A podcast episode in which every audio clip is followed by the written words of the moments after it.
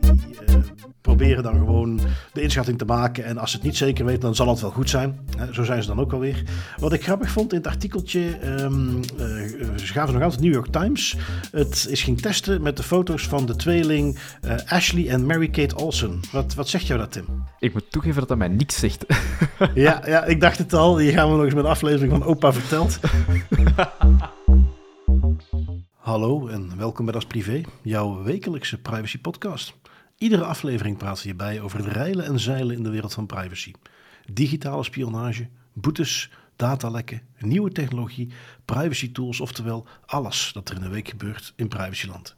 Ik ben Bart van Buitenen en samen met privacy Poetin Tim van Haren hebben wij het privacy nieuws van deze week gecureerd en eruit gehaald wat er echt toe doet.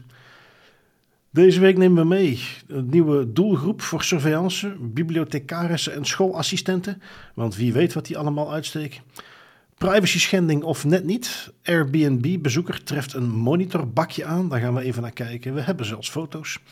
En de UK lijkt nog steeds niet te beseffen wat Brexit eigenlijk allemaal teweeg heeft gebracht. Ook het innen van boetes gaat nu een stukje langer, eh, langzamer of moeilijker zelfs helemaal. Want eh, wij gaan kijken naar een uitwisseling van gegevens die helemaal niet mocht met ons landje.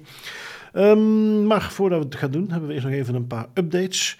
Eh, of update. Ik vond deze niet interessant genoeg of uitgebreid genoeg om daar een, een heel uh, artikeltje aan te wijzen zoals wij dat doen. Want het ging eigenlijk over iets wat onder een artikel bij Tweakers gebeurde. Daar kwam een artikel voorbij, uh, dat ging over de Brave browser. Nou, zoals je weet, die staat op onze tooltiplijst. Ik ben daar zelf ondertussen al jarenlang gebruiker van.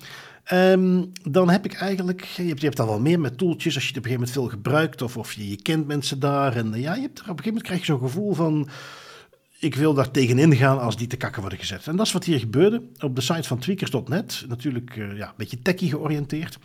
En uh, daar kwam uh, de Brave browser voorbij. Um, ik vond het artikel een beetje context missen, want ze gaven gewoon mee... ja, de Brave browser installeert zonder toestemming een VPN-dienst. Ik denk, poe, poe, nou, nou, dat klinkt heftig. Want ja, als een VPN-dienst effectief draait, dan wordt al jouw verkeer omgeleid via uh, ja, de servers van de VPN, in dit geval die van Brave. Dat is voor een browser die zich profileert als privacyvriendelijk nogal een dingetje. Dus ik dat even bekijken en uh, dat nog eens goed lezend, uh, de linkjes in het artikel nog eens bekijken en wat blijkt. Zo lijkt het toch. Ik heb het dan in de comments wat nagevraagd.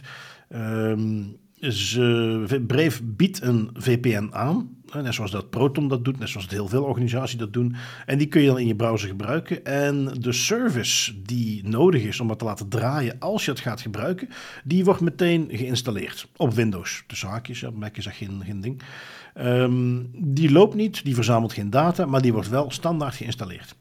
Dus ik uh, waagde mij aan een comment onder in het artikel uh, van goh is het dat? Uh, ik, ik, snap dat dat niet netjes is, maar er wordt geen data verzameld. Het is geen malware, het is geen advertenties. Um, dit vind ik niet zo, uh, niet zo interessant. En um, ook een beetje opmerking maakt van ja, ik, ik, ik, iedere keer als Brave hier voorbij komt, heb ik de indruk dat die aan een hogere standaard onderworpen worden dan pak Firefox of pak Chrome, waar dit soort dingen ook wel eens gebeurd zijn. Nou, ik kreeg me toch een shitstorm over me heen in de comments. Um, Uiteraard. Daar zitten duidelijk een aantal mensen die uh, ja, het, er erg gretig waren om Brave is flink uh, een veeg uit de pan te geven, omdat ze dit hadden gedaan. Um, nu, ik wou het ook eens aan jou voorleggen. Uh, zit ik er daar nou zo naast? Of is het installeren van die service toch niet zo'n groot dingetje? Maar ik vind het installeren van die service op zich ook geen groot ding. Laat, laten we daar al transparant over zijn. Het zorgt voor bloat, het zorgt ervoor dat er onnodige dingen op een computer worden geïnstalleerd, waar ik sowieso nooit echt een fan van ben. Um, Windows doet dat bijvoorbeeld ook belachelijk veel. Maar uh, ik zie hier geen, geen uh, inbreuken of obstakels. Um, en ik moet u daar ook wel gelijk in geven, in mijn eigen ervaring ook. Niet alleen op Tweakers, maar ook op Reddit en andere internetfora waar er over die zaken gepraat wordt. Brave is zo, uh, wordt altijd een beetje stiefmoedelijk behandeld en ik heb nooit helemaal goed begrepen waarom. Ze hebben een atypische manier van ja, geld verzamelen, uh, budget verzamelen. Uh, ze, doen, ze proberen het op een andere manier do te doen, wat ik alleen maar kan toejuichen. En soms denk ik dat dat bij be bepaalde mensen in het verkeerde keelgat schiet. Maar ja. aan zich zie ik er geen problemen in. Ja, mijn argument was, uh, kijk, uh, al die browsers doen, of, of uh, software is algemeen, doen wel eens domme dingen. Ja. Natuurlijk werd er meteen weer opgeworpen, ja, maar dit is, dit is niet toevallig, dit is expres, dit is om de dienst aan te smeren. Nou ja, ehm, wie weet. Um, maar waar ik zoek in die browser, privacy en security, ja, dat, dat zit goed. Um, daar speelt ook in mee dat ik uh, via via uh, en uh, de DPO zelf persoonlijk wat mensen bij Brave die daar werken. En ja, dan heb ik daar al snel wat meer vertrouwen in. Maar het viel mij op hoe snel en hoe gretig daar ik ook terecht gewezen werd dat ik er helemaal naast zat. nou goed, ik reageer op tweakers gewoon met de Das Privé nicknaam. Dus dat is allemaal prima terug te vinden. En daar ben ik me ook van bewust. Dus op een gegeven moment dacht ik van oké, goed, hier ga ik me even niet meer aan vergrijpen. Ik ga daar even niet meer reageren. Maar dat vond ik interessant interessant, vond ik apart. Um, vooral dat, uh, ja, eh, misschien dat er ook gewoon een beetje bij hoort. Op het moment dat jij tooling maakt, waar je te koop loopt met privacy, security, dan uh, lig je onder een vergrootglas. Ook dingen die daar misschien niet per se iets mee te maken hebben. Um, iets wat daar wel heel erg mee te maken heeft, privacy en security, en waar je volgens mij heel terecht onder een vergrootglas ligt, is als je een organisatie als UWV bent verantwoordelijk voor uitkeringen, uh, arbeidsongeschiktheidsgeld. Um, en wij hadden ze alles meegenomen. En dat was volgens mij in januari, als ik me niet vergis, omdat zij een nogal dubieuze tactiek hadden ingezet. Namelijk uh, tracking cookies op de website. Om te achterhalen of iemand in het buitenland zat. Daar was toen van alles om te doen. En je hebt daar een kleine update rond, Tim. Ja, klopt. Ze hadden die informatie van die tracking cookies um, gebruikt, hadden in een, ja, hoe kan het ook anders, een fraude-algoritme gestopt, om dan op die manier mee te gaan bepalen of dat iemand een potentiële fraudeur was en dan ja, uh, sancties op te leggen of bepaalde uitkeringen in te trekken. Um, dat is toen gebleken dat dat eigenlijk onrechtmatig was. Dat is ook stilgezet. Nu, de informatie uh, in dat algoritme werd nog wel gebruikt. Um, men is dan onderzoeken gestart en men heeft nu ook besloten om 460 fraudezaken waar men eerder van zei, deze mensen zijn fraudeur en die worden een sanctie opgelegd, om die momenteel terug te heropenen, terug te herzien uh, en te kijken of dat de onrechtmatige inzet van die tracking cookies een doorslaggevende factor was voor potentieel een onrechtmatige sanctie die werd opgelegd aan die, ja, dan misschien niet uh, correct bestempelde fraudeurs. Oké, uh, nou, lijkt me terecht dat ze daar eens eventjes gaan bekijken of het... En dat is misschien... Ja. Um, wat ik er nog het goede aan vind, um, dat ze daar ook niet in doorslaan en zeggen, ja, overal waar wij die tracking cookies hebben gebruikt, gaan we dat acuut meteen omdraaien. Want daar zou misschien ook weer de andere kant op doorslaan. Um, mm -hmm. Maar dat ze dus wel gaan kijken. Op het moment dat in een zaak uh, iets wat wij onrechtmatig deden, namelijk die cookies gebruiken, als dat de doorslag was, dan uh, gaan we het moeten cancelen. Dat lijkt me wel het minste. Hè? ja ergens aan de andere kant uh, in de vorm van een, een, tik op de vingers van ja, sorry, had je het maar goed moeten doen en nu ga je al die fraudezaken moeten cancelen. Had ik ook wel gesnapt, maar allez, ze gaan toch in ieder geval alles waar het doorslaggevend is geweest, in ieder geval uh, terugdraaien. Ja, ik denk dat de boodschap hiermee wel binnenkomt dat dit uh, geen slim idee was en dat men dat ook in de toekomst op een andere manier gaat moeten doen. Nee, absoluut. En, en gewoon als algemeen standpunt toch nog eens heel goed meegeven.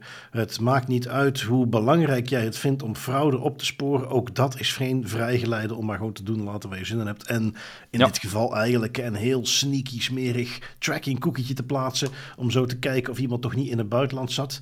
Um, waar dus heel terecht werd gezegd, ja, dat kan zo niet. Want dan hebben we het nog niet over, los over het feit dat dat niet kan qua rechtmatigheid om zo'n cookie te plaatsen. Het is ook maar zeer de vraag hoe effectief dat is. Hè? Hoe, hoe goed je daar iets mee kunt afleiden. Ik noem maar wat. Ik zit maak vaak met een VPN online. Ja, dan zou je ineens kunnen gaan roepen. Kijk, je zit al uh, wekenlang in uh, de Caraïbe. Ja, dat valt best mee. Dat is gewoon mijn VPN. Het is maar een tracking cookie natuurlijk. Hè? Dat is op zijn best een indicatie. Exact. Um, indicaties. Stel je de volgende situatie even voor, Tim. Um, jij bent uh, jezelf, privacy gedeformeerd. Daar ben je altijd naar op zoek. En je gaat naar een Airbnb in Barcelona. En zoals gebruikelijk, uh, het is altijd even afwachten wat je natuurlijk aantreft met zo'n Airbnb. Je doet eventjes een rondgang, je gaat even kijken. Je hebt misschien die tik ook wel eens. Ik ga toch zo heel af en toe, als ik op zo'n plek ben, even kijken. Zie ik ergens een cameraatje hangen. En in die inspectieronde zie je ergens een bakje hangen. En dat bakje ergens aan de muur, dat kun je toch niet helemaal thuis brengen. En je gaat eens kijken en daar staat op Room Monitor. Wat denk jij? Wel, Ehm, mijn eerste gedachte zou zijn van, oké, even googlen. Kan ik dat terugvinden, wat dat, dat is, ehm, wat dat, dat doet? En als ik dat niet zo snel kan terugvinden, dan eventjes die persoon van de Airbnb, de host, contacteren om dan toch maar eens te vragen van, jongens, wat doet deze room monitor in mijn kamer die ik hier huur? Nou, uh, dat is precies wat er in dit geval ook gebeurde. En daarom heb ik hem eigenlijk vooral meegenomen. Dit keer is dit geen verhaal van en toen kwam naar buiten dat je afgeluisterd werd en in de gaten gehouden werd. Um, de term room monitor is niet geheel onterecht. Er wordt inderdaad wel iets in de gaten gehouden. Maar dit is zo waar op een redelijk privacyvriendelijke manier. Um, dat uh, bakje, en ik heb ondertussen ook de foto eventjes voor jou uh, erbij gezet. Dan kun je, kun je, het wel zien.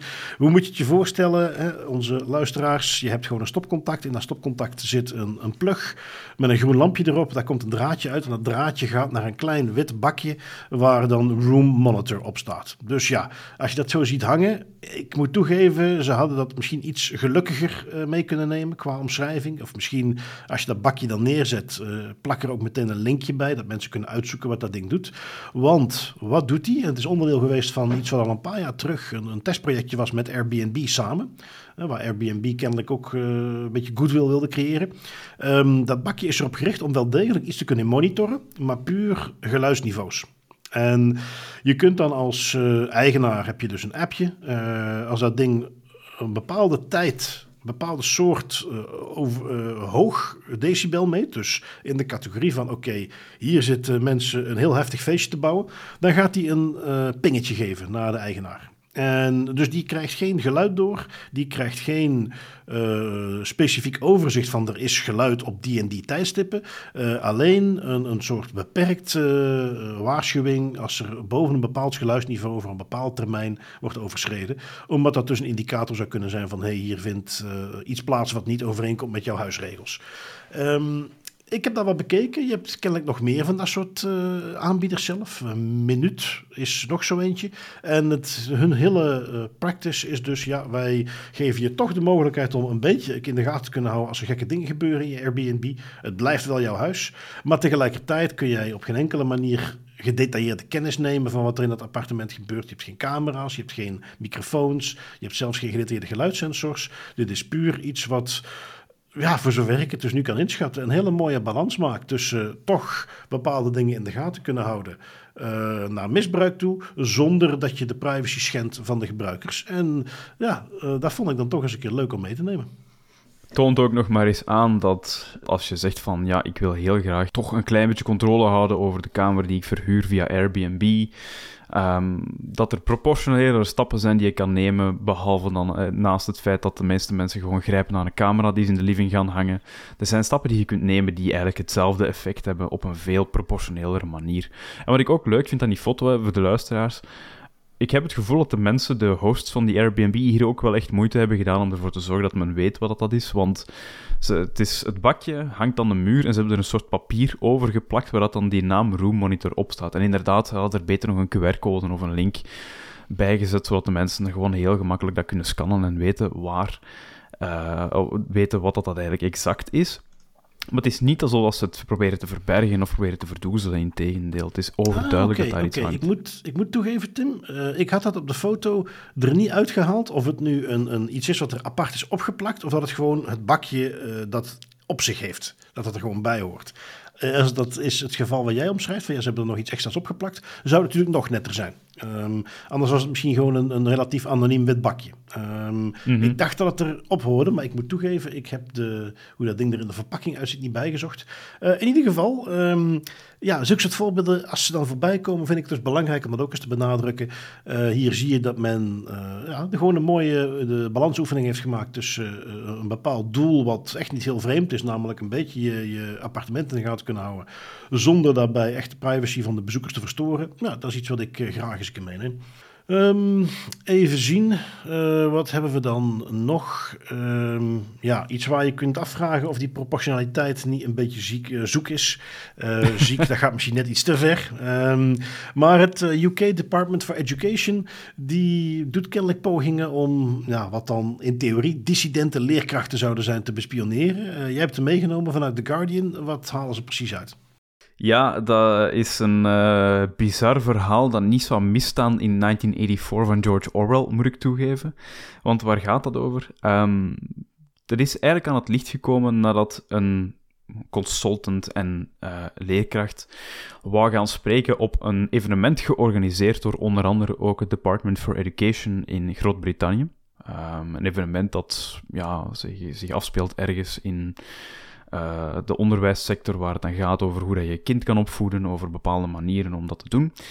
En de organisatoren van het evenement kregen te horen dat de persoon in kwestie niet meer mocht komen spreken over het, evenement, omdat haar uh, perspectieven en haar meningen niet in lijn lagen met die van de overheid en met het Department for Education. Oké, ja, um, op zich... Al vreemd op zich, hè?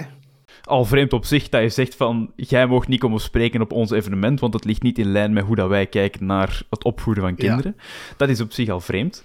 Dat vond die persoon ook. En die heeft vervolgens een uh, access request, dus een beetje zoals hier een wet openbaarheid van bestuurverzoek, ingediend bij het Department for Education om te weten te komen waarom dat, uh, op, welke, op welke informatie dat het Department, Department for Education zich baseerde om dan die mening eigenlijk te maken en om die, uh, dat oordeel te vellen.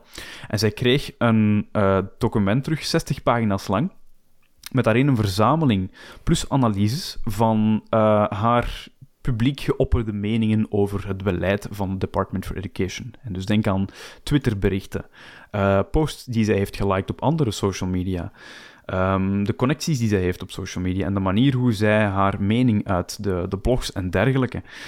En dat heeft een soort schokgolf gecreëerd waarin andere uh, mensen in de, ja, in de onderwijssector ook zo'n subject access request zijn gaan beginnen uh, inwilligen bij het Department for Education, zijn gaan beginnen, zijn gaan beginnen aanvragen. En Daaruit blijkt, nu, nu dat er een heleboel mensen dat gedaan hebben, dat het Department for Education stelselmatig mensen, leerkrachten, maar ook psychologen, hoogleraren, universiteitsdocenten in de gaten houdt en hun social media activiteiten trackt, analyseert en daar rapporten over maakt.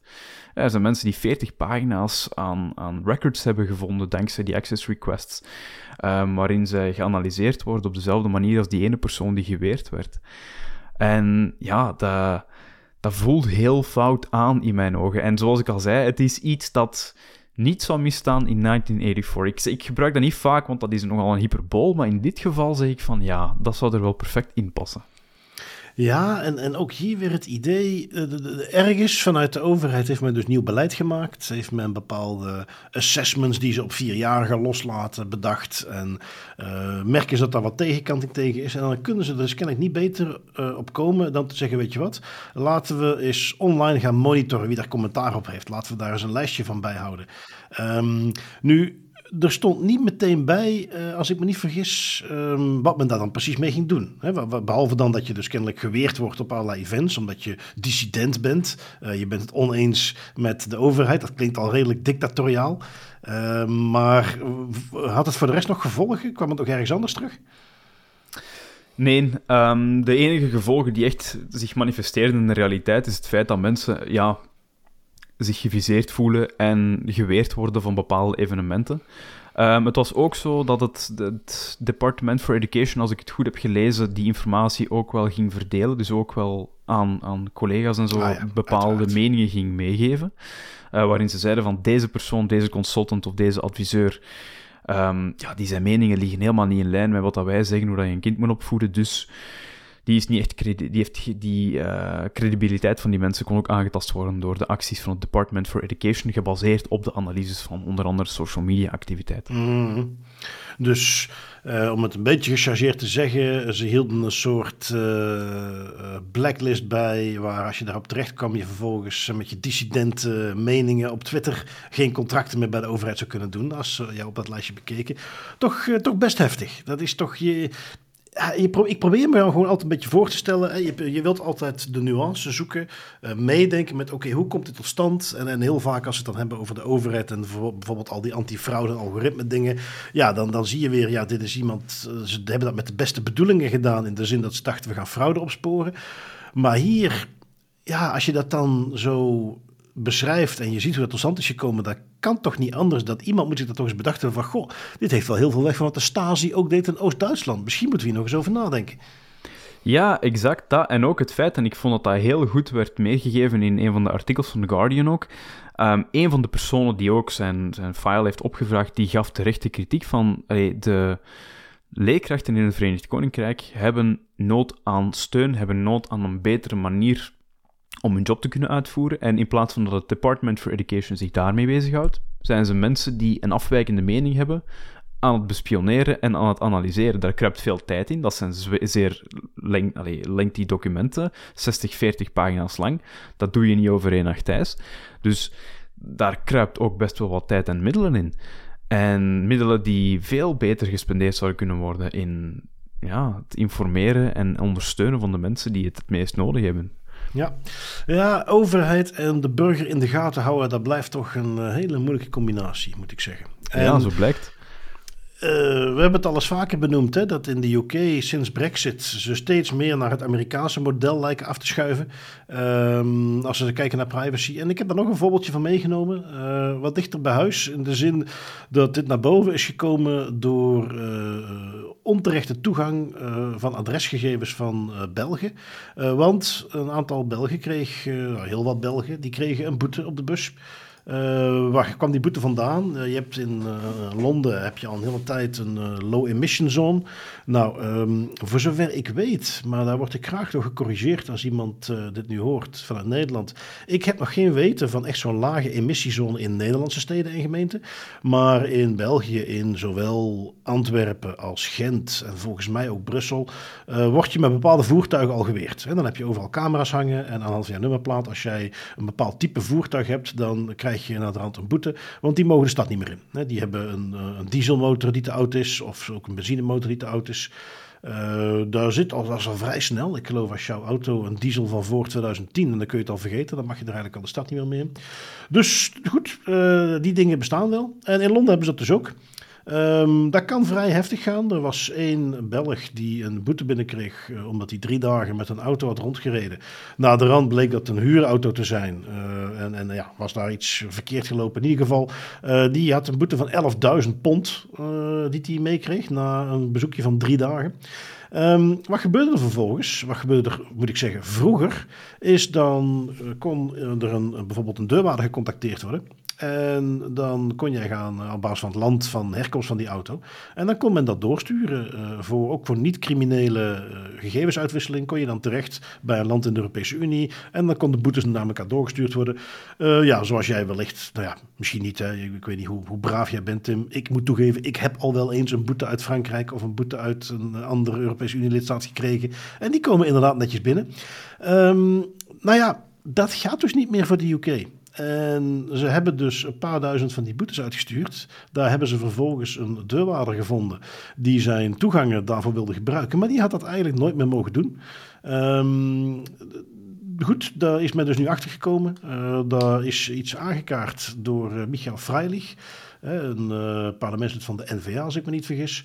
Uh, vanuit Antwerpen. En die heeft dit uh, dus uh, aan de kaak gesteld. Um, kwam er dus achter dat het, het bedrijfje wat achter die boetes zat, de Europarking, want uiteraard dat weer door een privébedrijf dat die boetes geïnd worden. Iets dat we hier in België heel goed kennen vanuit het rijkscontroles, waar ook veel om te doen is.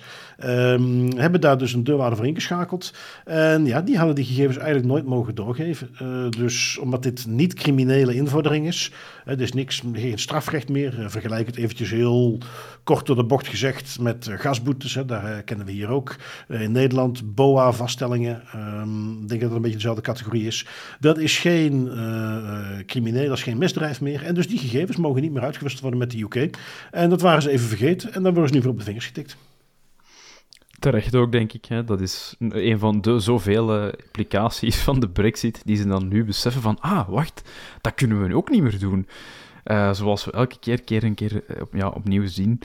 Um, ik vind mezelf trouwens over het algemeen best een brave jongen, Bart, maar ook ik heb wel mijn uh, ja, deel aan boetes helaas Ach, al gekregen. Dus schandelijk, Tim, schandelijk. Ik weet het, ik weet het. Ik, ik dacht dat je beter doen, hè. Nee, helaas. Ehm, daar, daar heb ik ook wel wat ervaring mee met het betalen van een boete of twee. Ja, ja, ja. Goed, dus de, de gevolgen van Brexit blijven ondertussen jaren na dato nog steeds de Britten achtervolgen. Uh, wie weet, als heel klein filosofisch uitstapje, wanneer die ooit nog eens terugkomen. Wellicht, uh, want dat houdt in dat je moet toegeven dat je er gigantisch naast zat. En dat is ook niet iets wat uh, heel goed ligt, denk ik. maar ja, dit is dus een van de gevolgen dat dat ook niet meer doorgaat. Um, wat hebben we dan? Ja, als we dan toch zeggen, ze gaan steeds meer richting het Amerikaanse model. Is het nuttig om nog eens een keer een voorbeeldje mee te nemen van, goh, wat is dat Amerikaanse model van privacy ook alweer? Uh, hoe ver kan men gaan om burgers in de gaten te houden? En je hebt daar nog een mooi voorbeeldje van meegegeven. Uh, meegenomen vanuit een artikeltje wat de IFF uh, publiceerde. Toch een van de, de privacy-rechtenorganisaties in de Verenigde Staten. Uh, wat gaat over het gebruik van zogenaamde keyword search warrants. Zoekbevelen op basis van zoekterminologie. en dit was iets wat specifiek in Colorado tot bij de rechter kwam. Ja, ja, het is de allereerste keer in de Verenigde Staten dat een Supreme Court een uh, oordeel velt over een keyword search warrant. En een positief oordeel dan nog wel. Een keyword search warrant is eigenlijk de politie die aan een uh, zoekmachine-provider, zoals Google bijvoorbeeld, vraagt om um, over een periode van, laten we zeggen, twee weken tijd, um, informatie te geven over alle identificeerbare gebruikers die uh, een bepaalde zoekterm hebben ingegeven, of een bepaald adres of een bepaalde persoon.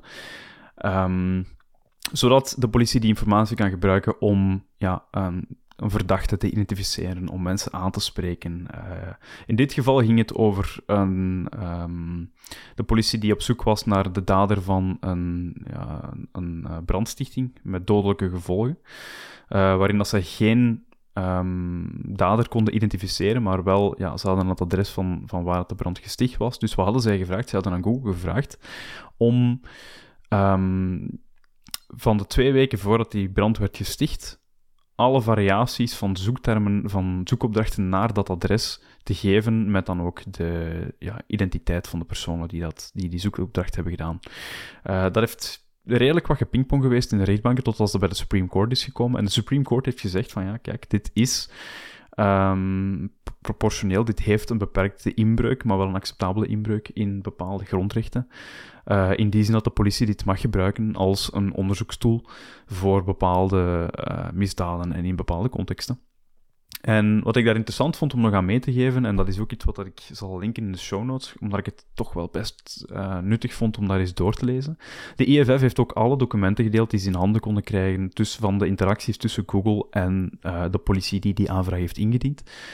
Um, waarin ja, toch wel wat interessante dingen staan. Hè? Bijvoorbeeld hoe dat uh, het identiteitsmanagement van Google werkt. Ik wist, niet, ik wist dat niet, maar Gaia ETA, de Gaia ID. Um, waarmee je dus iemand kan identificeren over alle Google-systemen heen.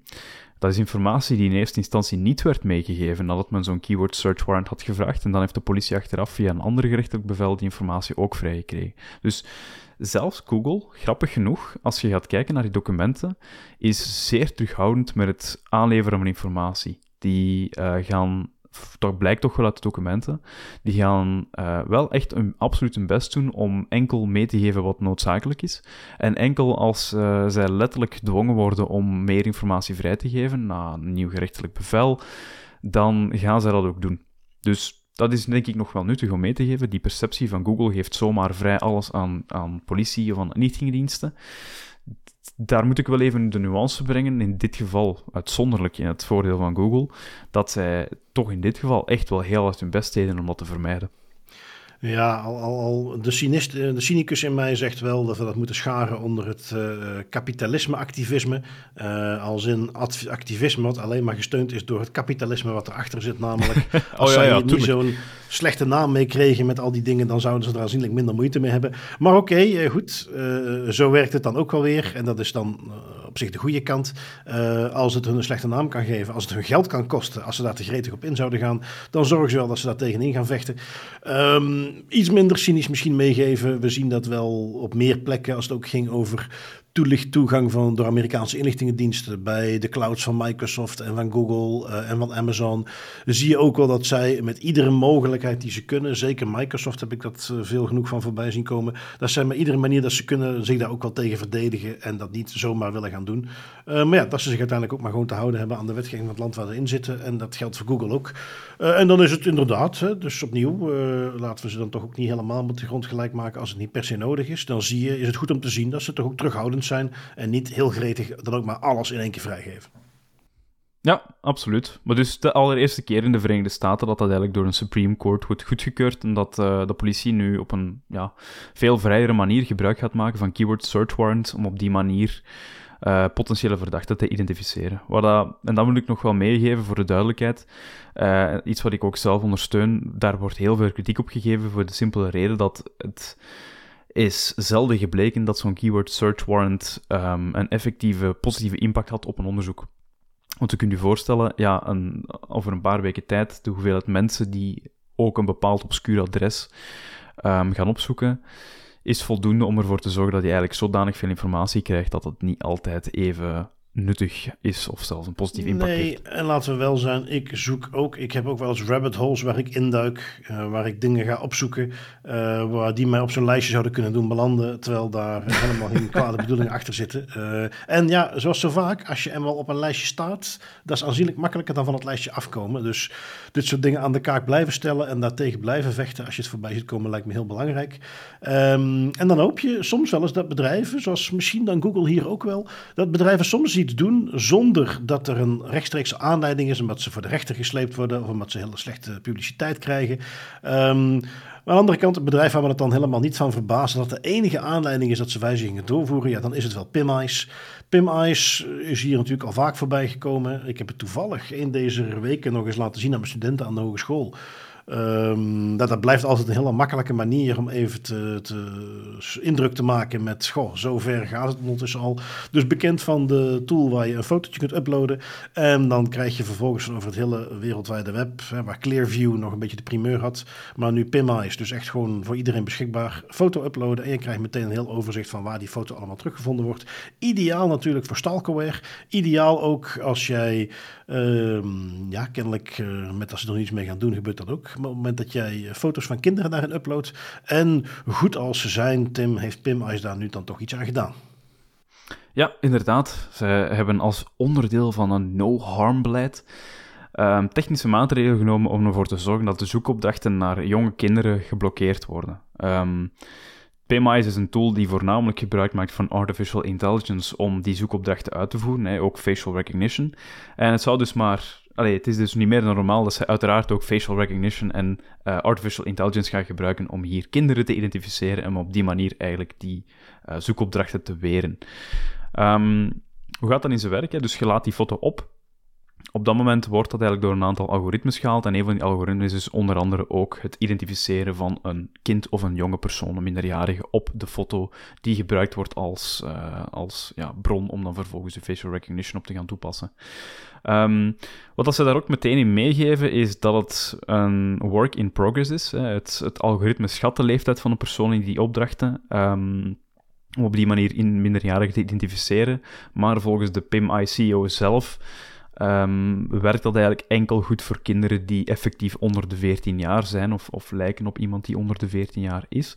Uh, maar heeft het toch veel te veel nauwkeurigheidsproblemen als het aankomt op mensen na 14 jaar en, en tieners en dergelijke. Um, ook bepaalde hoeken, de manier hoe dat je de foto zou doen, als je niet recht in de camera kijkt, dan heeft het det detectieprobleem ook echt nog zwaar problemen en kan het eigenlijk nog in de praktijk voor veel mismatches zorgen. Wat dat ergens, um, en misschien ging jij die link ook net maken, Bart, maar ergens doen we dat dan weer al denken aan het uh, Child Sexual Abuse Material detectiesysteem van de Europese Unie dat men wilt gaan opzetten. Als zelfs PIM-eyes, die in mijn ogen toch wel echt een marktleider zijn op het, aan, op het identificeren van gezichten, ook in bepaalde invalshoeken. Als zelfs zij struggelen met het identificeren van kinderen op de juiste manier en het, het identificeren van mensen op een foto, Um, dan denk ik dat die nog maar eens een goed voorbeeld is dat die technologie daar gewoon nog niet ver genoeg voor staat om zoiets te gaan doen. Ja, ik moest meteen denken aan het uh, evidente. Je hebt misschien wel eens gehoord de term jailbait. Uh, waarin het dan gaat over een uh, ja. ja. vrouw slash meisje. Waar je van zegt, ja, ik zou niet durven zeggen, is die nu 15 of is die nu 18? Wat natuurlijk een hele belangrijk onderscheid is voor bepaalde dingen. Um, en het verbaast me dus niks dat ook zo'n algoritme, ik bedoel, als wij als mensen dat onderscheid niet altijd kunnen maken, dan verbaast het me niks als een algoritme dat ook niet kan doen. Dan kun je natuurlijk zeggen, dan gaan we uit veiligheidsoverwegingen al dat soort foto's waar we het niet zeker weten, gaan we eruit halen. Dat is natuurlijk niet wat ze bij PimEyes doen. Die proberen dan gewoon de inschatting te maken. En als ze het niet zeker weten, dan zal het wel goed zijn. Zo zijn ze dan ook alweer. Wat ik grappig vond in het artikeltje, um, ze gaven nog altijd New York Times. Het is ging testen met de foto's van de tweeling uh, Ashley en Mary-Kate Olsen. Wat, wat zegt jou dat, Tim? Ik moet toegeven dat dat mij niks zegt. ja, ja, ik dacht het al. Je gaan we nog eens met een aflevering van Opa verteld. Uh, want dat is namelijk voor mensen van mijn generatie... is dat heel herkenbaar, die naam. En snap ik ook meteen waarom waarschijnlijk de journalist dat ging doen. Want je had vroeger een serie die heette Full House. En dat was, ja, je had zo'n tijd, dat was, dat was, je had allemaal van die Amerikaanse sitcoms, dat was op tv. En dan werd je plat meegegooid. Eh, Family Matters met Steve Urkel, die naam zegt je misschien wel iets. Uh, ja, ja, of Steve Urkel zegt me wel iets. Ja, nou, dat was een beetje diezelfde periode. En je had dus ook een aflevering waarin een vader, eh, een, een alleenstaande vader met zijn, wat is drie, vier kinderen uh, zat. En uh, zijn broers, de, de, de, ooms woonden er ook bij in. ja, full house dus, want ja, dat is nog wel een druk huis dan. En die beleefde uiteraard alle avonturen. Nou, in die serie zat ook een klein meisje. Ik denk dat ze toen een jaar of drie, vier moet zijn geweest. Um, en dat was natuurlijk dat was dan uh, heel grappig. Die deed al hele schattige dingetjes. Maar dat was in realiteit een tweeling die ze steeds om de beurt inzetten, omdat het anders wat uh, te heftig was. En dat waren Ashley en Mary-Kate Olsen. En die zijn vervolgens celebrities geweest. En jarenlang werden die allerlei, op allerlei plekken ook gevolgd. En dus heel typisch dat ze dan daarom dat die journalist natuurlijk net de hen erbij pakte. Want daar zijn ontzettend veel foto's van. En volgens mij ook typisch, want die zijn, ik heb het toevallig nog net even opgezocht. Die zijn maar drie jaar jonger dan ik. Uh, maar als je heel veel van die foto's gaat bekijken, ja, die zien er heel erg jong uit op heel veel van die foto's. Terwijl je dan weet van, oké, toen moeten ze al minstens ergens in de twintig zijn geweest. Dus ideaal testmateriaal. En uh, ja, goed, dat als grappig uitstapje. Die naam deed meteen een belletje rinkelen.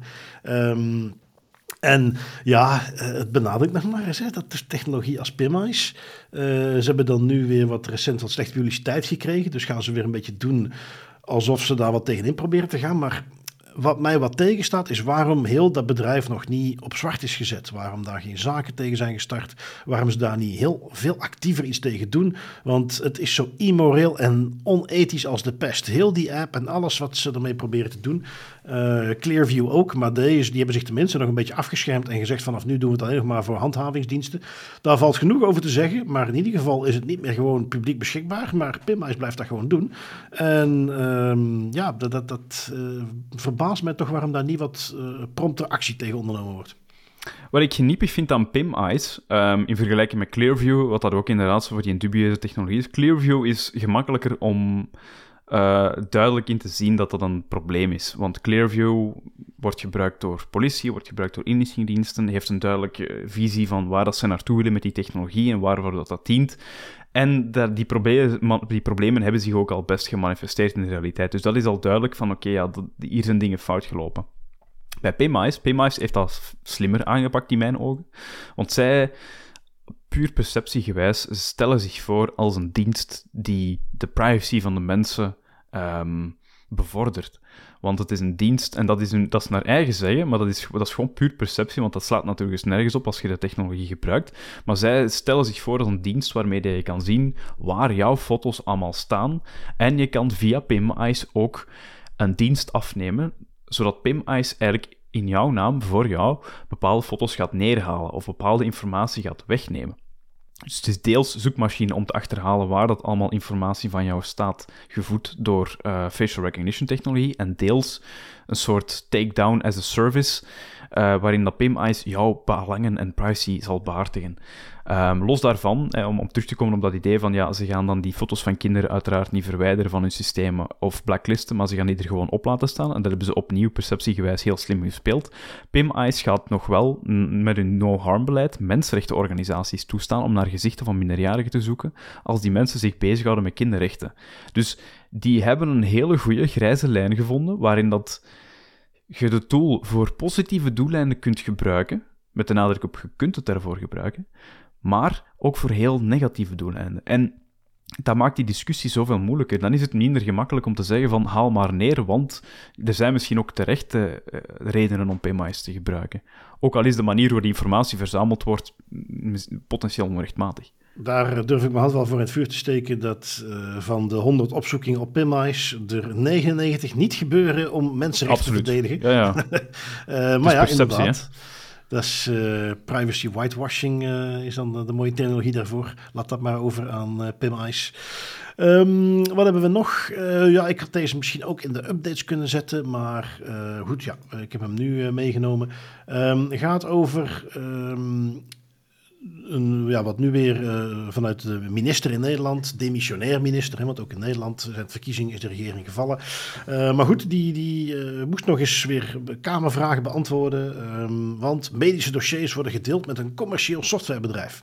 Um, we hebben daar destijds ook wel eens wat aandacht voor gevraagd. Het ging dus om huisartsensoftware uh, die uh, ja, centraal gegevens opsloeg. Is te zeggen, dat was software die als huisartsenpartij kon afnemen, cloud software. En die slaat dan dus inderdaad gegevens op in de cloud. Um, de uitleg die ze toen aan gaven was misschien iets wat voor onduidelijkheid kon zorgen. Want ze, hadden dan, gaven dan als antwoord van ja, maar in die en die chronische ziektes en in die contexten is het soms nodig om gegevens te kunnen delen. En dat is nu veel makkelijker. Um, waarbij ze het zichzelf misschien een beetje onnodig moeilijk maakten. Omdat dat niet de reden is waarom ze die gegevens online zetten om het altijd te delen. In de meeste gevallen is het gewoon, ja, de huisartsenpraktijk gebruikt een cloud software. En dat houdt dan in dat die gegevens ergens op een computer staan opgeslagen die niet in de huisartsenpraktijk staat ik vond dat toen al. Ja, van hebben nou iets gemist? Nou, nu heeft de, minister dan uh, de vragen beantwoord. En, en ja, uh, het gaat effectief gewoon om software waar dan inderdaad centraal gegevens worden opgeslagen is iets wat, ook hier in België heb ik dat uh, vaak genoeg gezien. Ik heb redelijk veel in de gezondheidszorg rondgelopen. Uh, ook bij softwaremakers die dan software maken, die het aanbieden aan huisartsenpraktijken um, en aan allerlei zorgverleners. In de GDPR-terminologie, dan is de arts is de verantwoordelijke die ervoor kiest om bepaalde software te gebruiken. De softwareleverancier is de verwerker. Die mag niks met die gegevens doen. Uh, wat niet op instructie van die arts is. Die voorziet gewoon een toeltje en het is aan die arts om het te kiezen en aan die arts om vervolgens te beslissen wat er met die gegevens gebeurt. Ja, lijkt mij heel weinig mis mee. Um, wat misschien nog fijner zou zijn, en dat is zeker niet in al die toeltjes het geval laten we de, privacy by design approach er een beetje loslaten, is dat die uh, dossiers allemaal end-to-end encrypted opgeslagen zouden liggen. Het is te zeggen dat ook dat bedrijf zelf op geen enkele manier kennis kan nemen van die gegevens, al zouden ze willen. Um, maar dat is iets wat de wet niet oplegt. De, de, de, dat is, dat, zo zou je het heel netjes kunnen doen. Dan sluit je allerlei risico's uit. Uh, maar zolang het maar gewoon goed beveiligd is, is er niks mis mee met dat een huisartsenpraktijk dat uh, gewoon ja, bij een softwareleverancier uh, opslaat. En ja, met deze update erbij moest ik nog eens terugdenken aan, aan wat voor ophef dat veroorzaakt. Nu weer een minister die er Kamervragen over moest beantwoorden. Terwijl de AP zelf ook al had gezegd van, goh, wij zien hier niet meteen een probleem. En ja, dat valt me dan toch op dat men daar dan zo in doorslaat. Misschien een uh, klassiek geval van politici die de materie een beetje voorbij gaan en, en, dan maar problemen zoeken waar er geen problemen zijn. Het is wel zo natuurlijk, um, het klopt, hè, dus die huisartsen zijn inderdaad verwerkingsverantwoordelijken en de andere partij is de verwerker en de huisarts gaat dus alleen, alleen gaat dus bepalen wat er met die persoonsgegevens gebeurt en wat er niet met die persoonsgegevens gebeurt en de derde partij moet dat dan opvolgen. Um, ik vraag mij alleen af, omdat we het een aantal keer in de podcast ook al gezien hebben, dat dan niet altijd zo is, of dat er dan die derde partij, dat dan toch blijkt dat die eigenlijk niet behoorlijk omgaan met die gegevens. Um, of dat er geen betere manier is. Of dat de huisartsen niet beter ondersteund kunnen worden in het maken van bepaalde keuzes nou ja, op dat vlak. Uh, kijk, het alternatief is dat iedere huisarts gewoon lekker op zijn eigen praktijk, op zijn eigen computertje blijft bewaren. En dan kan ik je ook vertellen ja, ja, nee, wat de praktijk is. Uh, dan crasht die computer eens een keer, boem, alle data weg. Um, ik wil daarmee zeker niet alle huisartsen over kam scheren, want in mijn uh, diverse projectjes kwam ik ook wel eens bij huisartsen langs die een, zeker een, een techneutenknobbel hadden en daar ook van alles mee deden. Maar over het algemeen is een huisarts niet meteen bezig met hoe update ik mijn systemen, hoe patch ik die zo goed mogelijk, hoe zorg ik voor een niet-lokale backup van al mijn patiëntendossiers. En dan heb ik gewoon veel liever dat ze bij een bedrijf wat erin gespecialiseerd is, op een veilige manier, laten we dat vooropstellen, dat dan maar in de cloud bewaart. Um, Persoonlijk zie ik dan liever dat dat niet op een Amerikaanse cloud is. Dat, dat, dat er dan ook eventjes bij. Uh, dat is nog wel eens de uitdaging soms, maar dat is nog een heel ander verhaal. Maar dat lijkt mij dan nog echt een betere oplossing, dat dat uh, door een gespecialiseerd bedrijf wordt gedaan. Um, net zoals dat ik, en dat, is natuurlijk, we hebben ook in de community redelijk wat meer technische mensen zitten, die nog hun eigen servertjes draaien. Ik zou dat ook kunnen doen, maar ik heb toch al lang geleden besloten, weet je wat, mijn eigen mailserver en dat soort dingen, daar ga ik niet meer aan beginnen. Want wat erbij komt kijken, om wat te updaten, bij te houden. Um, uh, zeker omdat ik ook geen echte rastechneut ben. Dus ik ga daar misschien ook nog wel eens fouten in maken of te veel werk aan hebben. Ik ga dat gewoon niet meer doen. Dan, dan besteed ik het maar liever uit bij een externe partij. Nou ja, dat, dat zie ik voor mijn medische gegevens ook uh, veel liever. Liever een kundige externe partij die zich aan allerlei regels te houden heeft dan uh, een incompetente eigen partij. Want dan is het risico volgens mij veel groter. Mm -hmm, ja. ja, dat klopt. Daar, is, daar valt zeker iets voor te zeggen. Dat is ook een van de voordelen van gebruik maken van een externe partij die zich daarin specialiseert, is dat die gewoon alle kennis in huis hebben die alle, al hun klanten eigenlijk niet hebben. Dat is een ja. van de grote redenen om naar de cloud te gaan ook. Goed, uh, wat hebben we nog? Een klein staaltje Europol. Die komen met een persberichtje naar buiten. Want ze hebben zowaar nog eens een keer een ransomware gang opgerold. Ja, inderdaad. Ze hebben de Ragnar Locker ransomware-bende opgerold. Um, toch niet de minste, moet ik toegeven. Dat is een uh, redelijk beruchte ransomware-bende die vooral bekend stond om het feit dat zij um, ja, ook doelwitten hadden waar andere ransomware-bendes van wegbleven. Um, en ook zeer duidelijk altijd in hun, in hun uh, ransomware notes, eh, als de data gedaan is, um, meegeven aan hun slachtoffers dat uh, ze onder geen enkel beding de autoriteiten mogen inlichting over het feit dat zij uh, slachtoffer zijn geworden van een datalek. Uh, ze hebben ook gebruik gemaakt van zogenaamde Wall of Shame, een blogpost waarin dat dan de klanten, de klanten was ik nu, de, de slachtoffers publiek geshamed werden. Ja, sommige, ik zeg het omdat sommige ransomware-bendes hun, hun uh, slachtoffers aanspreken met klant en dan ja, ja, ja, uh, zichzelf want, voordoen als een soort... Wij voorzien voor u de beveiliging en regelen ook meteen een backup voor uw gegevens. Ja, ja, maar we lachen daarmee. Maar dat is misschien nog een leuke tidbit voor de, voor de luisteraars. Um, er zijn bepaalde ransomware-bendes waarin die in de communicatie ook effectief meegeven dat ze hun slachtoffers behandelen als klanten en dat zij een uh, proactieve penetration and security test meegeven. En dat de klanten dus achteraf, de, slachtoffers dan, uh, moeten betalen voor de geleverde dienst, namelijk het identificeren van een bepaald lek. En uh, ja, dat is hoe dat die mannen dan te werk gaan. Niet Ragnar Locker. Ragnar Locker was meer de... We breken in en we plakken je op de Wall of Shame. Maar die zijn nu gevat. Um, Europol heeft samen met een best wel redelijk grote lijst aan Euro vooral Europese uh, politiediensten um, huiszoekingen gedaan in Tsjechië, Spanje en Letland. En daar ook effectief mensen opgepakt van die ransomware-benden. Nou, uh, job well done. Um, intensief onderzoek, hè, want het is een, een, een, uitloper van iets waar wij destijds ook al eens meenamen toen ze in 2021 in de Oekraïne waren binnengevallen en daar uh, Tesla's en allerlei stapels met bankbiljetten en weet ik veel wat nog uh, meenamen. Dus ja, de Ragnar Ransomware Groep had dan toch wat verdienst uit hun beveiliging en backup diensten die ze aanboden aan hun klanten.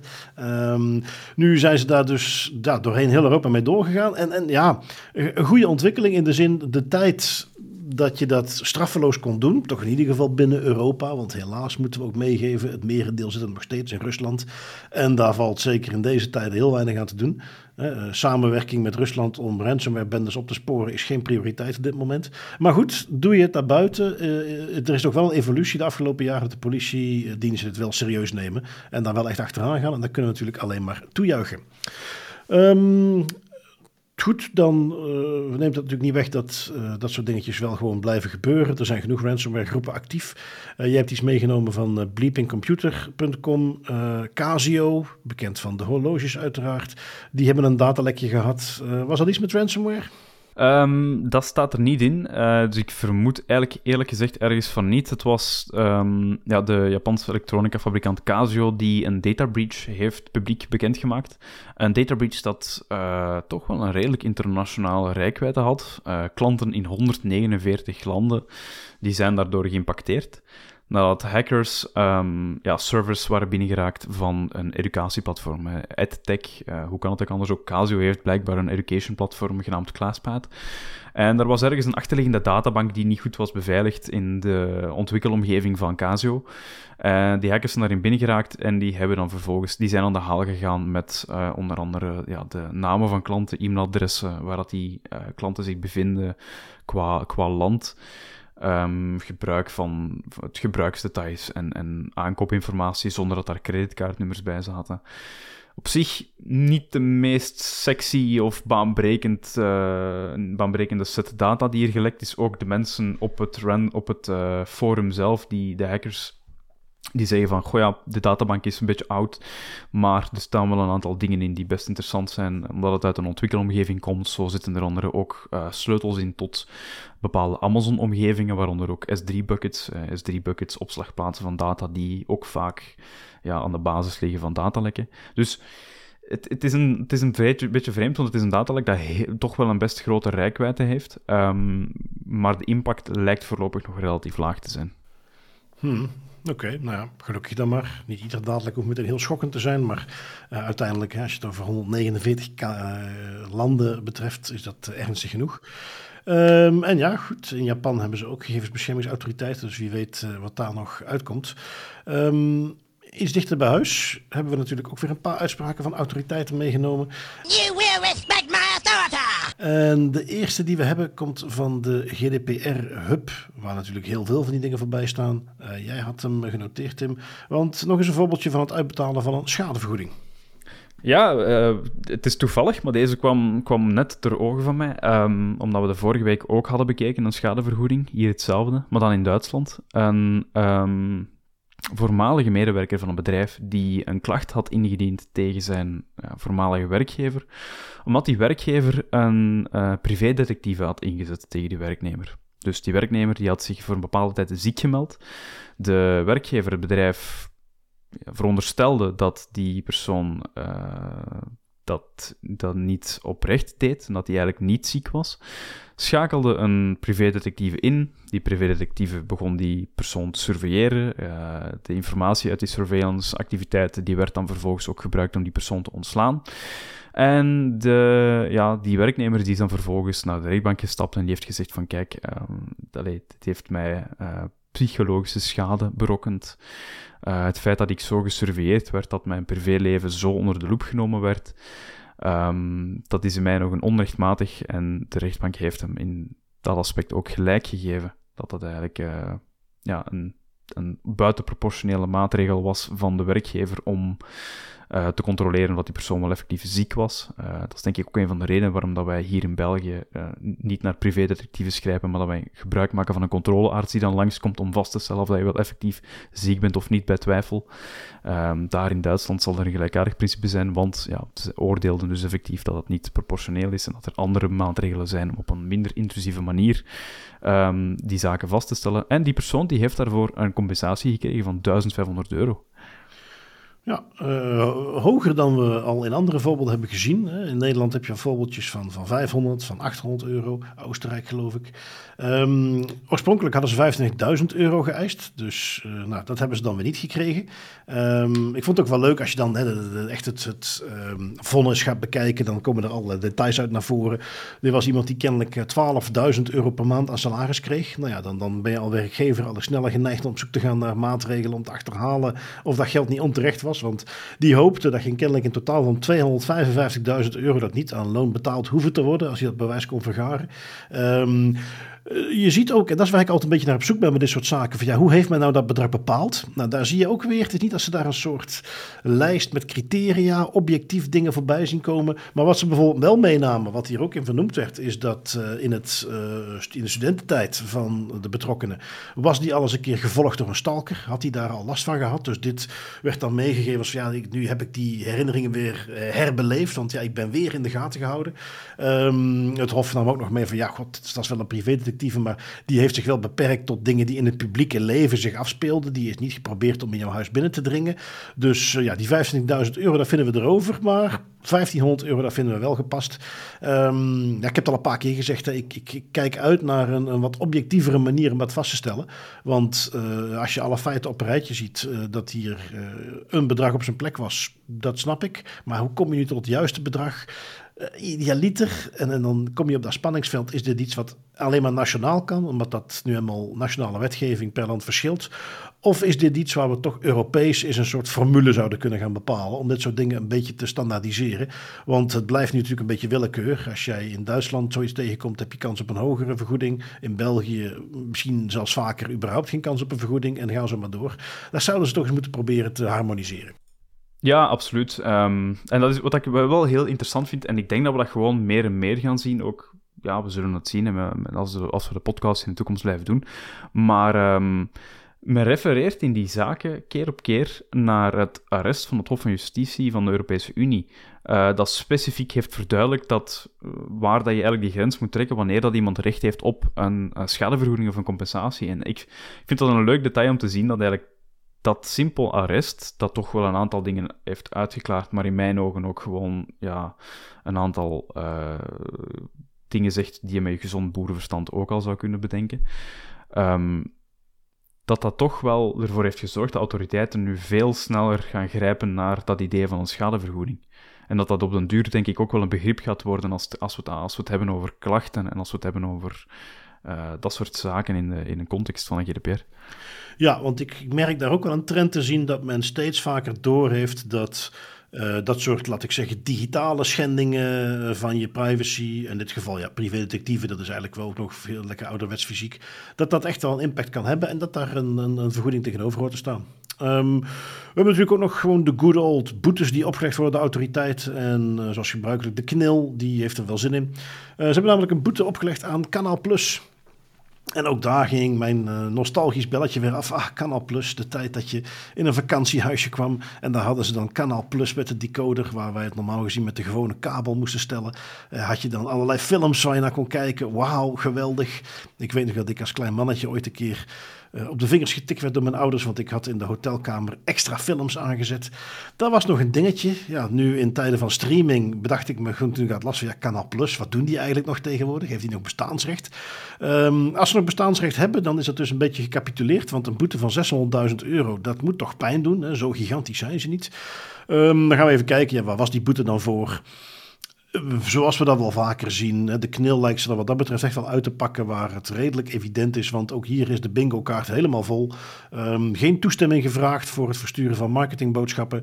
Uh, niet genoeg informatie verstrekt, dus artikel 13, 14 van de GDPR niet goed nageleefd. Um, een betrokken partij die als verwerker uh, diende, was geen verwerkersovereenkomst meer afgesloten. Toch ook redelijk basic. Vervolgens waren er ook niet voldoende security maatregelen genomen. Getuigen ook het datalek wat ze hadden. En dat laatste detailtje vond ik dan nog interessant, want dat is wel redelijk streng. Uh, al stond er niet meteen bij wat voor data het dan was. Maar uh, de knil nam ook nog mee dat ze een datalek niet gemeld hadden. En dat datalek ging over vijf uur waarin bepaalde data openbaar beschikbaar was. En dat datalek hebben ze niet gemeld bij de knil. En daar kregen ze ook nog wat extra foei voor. En dat alles bij elkaar leidt tot een sappige 600.000 euro boete. Die kan tellen, hè? Ja, de knil die, uh, is er niet vies van. Mm -hmm. om, uh, ook nieuw, hè, waar, waar, de Ierse autoriteiten zich vooral met big tech bezighouden en dan al snel de pers kunnen halen omdat er het woord miljard in de boete zit. maar relatief gezien is dit een boete die op dezelfde hoogte zit, volgens mij. Um, ik, ik, ik, mag hopen dat dit Kanaal Plus aanzet om zich toch ja, daar wat beter op te gaan letten. dat moet met dit soort bedragen wel lukken, denk ik. Mm -hmm. Goed, dan zijn we toegekomen aan onze privacy pointers. Je hebt nog eens een boek bij, Tim. Ja, ja, het was al even geleden, dus ik dacht van oké, er zijn weer een paar coole boeken uit over privacy, dus ik ga me daar weer aan wagen. Uh, deze keer Your Face Belongs to Us van Cashmere Hill. Uh, we hadden het eigenlijk al eerder gezegd, dit is een boek dat gaat over Clearview AI. Dus um, ja, het bedrijf dat eigenlijk achter de hele facial recognition database staat, waar nu onder andere een heleboel uh, politiediensten van de Verenigde Staten, maar ook andere landen gebruik van maken. Um, en dat boek, wat ik daar leuk aan vind, is dat het eigenlijk ja, de, het, het ontstaan van Clearview AI uh, en, en de, de breinen erachter en de manier waarop het eigenlijk ja, is uitgegroeid tot de privacy-monstrositeit zoals dat we ze nu kennen. Uh, op een toch wel leuke manier teweeg brengt. Ik ben ongeveer een kwart in het boek nu momenteel, dus ik heb nog wel een weg te gaan. Maar wat ik ervan al heb gelezen staat mij heel hard aan en ik kan het zeker aanraden voor iedereen die interesse heeft in privacy. Nou, ik ben benieuwd, want ik had hem ook voorbij zien komen. Ik dacht, ja, Clearview, Clearview, wat valt erover te zeggen? Dat weten we toch ondertussen allemaal wel. Maar als ik jou goed begrijp, is daar dus best wel wat over te zeggen. Die hebben best wel wat skeletten in de kast, ja. Ja, ja oké, nee, interessant. Um, ik moet toegeven, ik heb iets drogers bij. Um, maar niet per se onbelangrijk, uh, want NIS 2 is iets wat vele luisteraars bekend zal klinken. Uh, Network Information Security Directive, richtlijn vanuit Europa. De tweede versie ondertussen. Uh, vanaf oktober 2024 zou dat overal in moeten gaan. Toch in ieder geval de Europese variant. We hebben dan nog een omzetting aan nationaal recht. Maar in ieder geval ja, dat is belangrijk. Dat gaat over beveiliging, kritische infrastructuur, uh, sorry, kritieke infrastructuur moet ik zeggen. Um, ook gezondheidszorg valt eronder. En wat heb ik dus meegenomen? Een linkje naar een webinar van de Nederlandse overheid, waarin ze uh, dat overlopen. Uh, dus ja, geen humoristische kost, um, wellicht ook niet de meest toegankelijke, maar wel heel erg nuttig. En dat soort webinars die poppen nu overal op over een S2. En het is soms een beetje zoeken van ja, wat is een beetje kwalitatief. En uh, ja, het is er eentje die uh, van wat ik uh, ervan gezien heb goed in elkaar zat. En dus wil je daar wat inzicht in krijgen. Dit is, ik geloof dat het een, een uurtje in totaal is. is relatief recent, 5 oktober. hebben ze nu gepubliceerd. En ja, dat is dan een mooi startpuntje. Dus ja, niet de meest entertainende, maar ik denk wel redelijk nuttig. En dat is mijn privacy pointer. Voilà, een goede mix van entertainment en uh, informatief, hè? zo hoort inderdaad, dat. Inderdaad, Wel Tim, dan zijn we weer eens aan het einde gekomen van de aflevering. Ik wil jou weer bedanken voor je tijd, onze luisteraars, om toch maar weer een uurtje naar ons te luisteren. En ik spreek jou volgende week weer. Ja, zoals altijd Bart, met heel veel plezier en tot volgende week. Tot volgende week.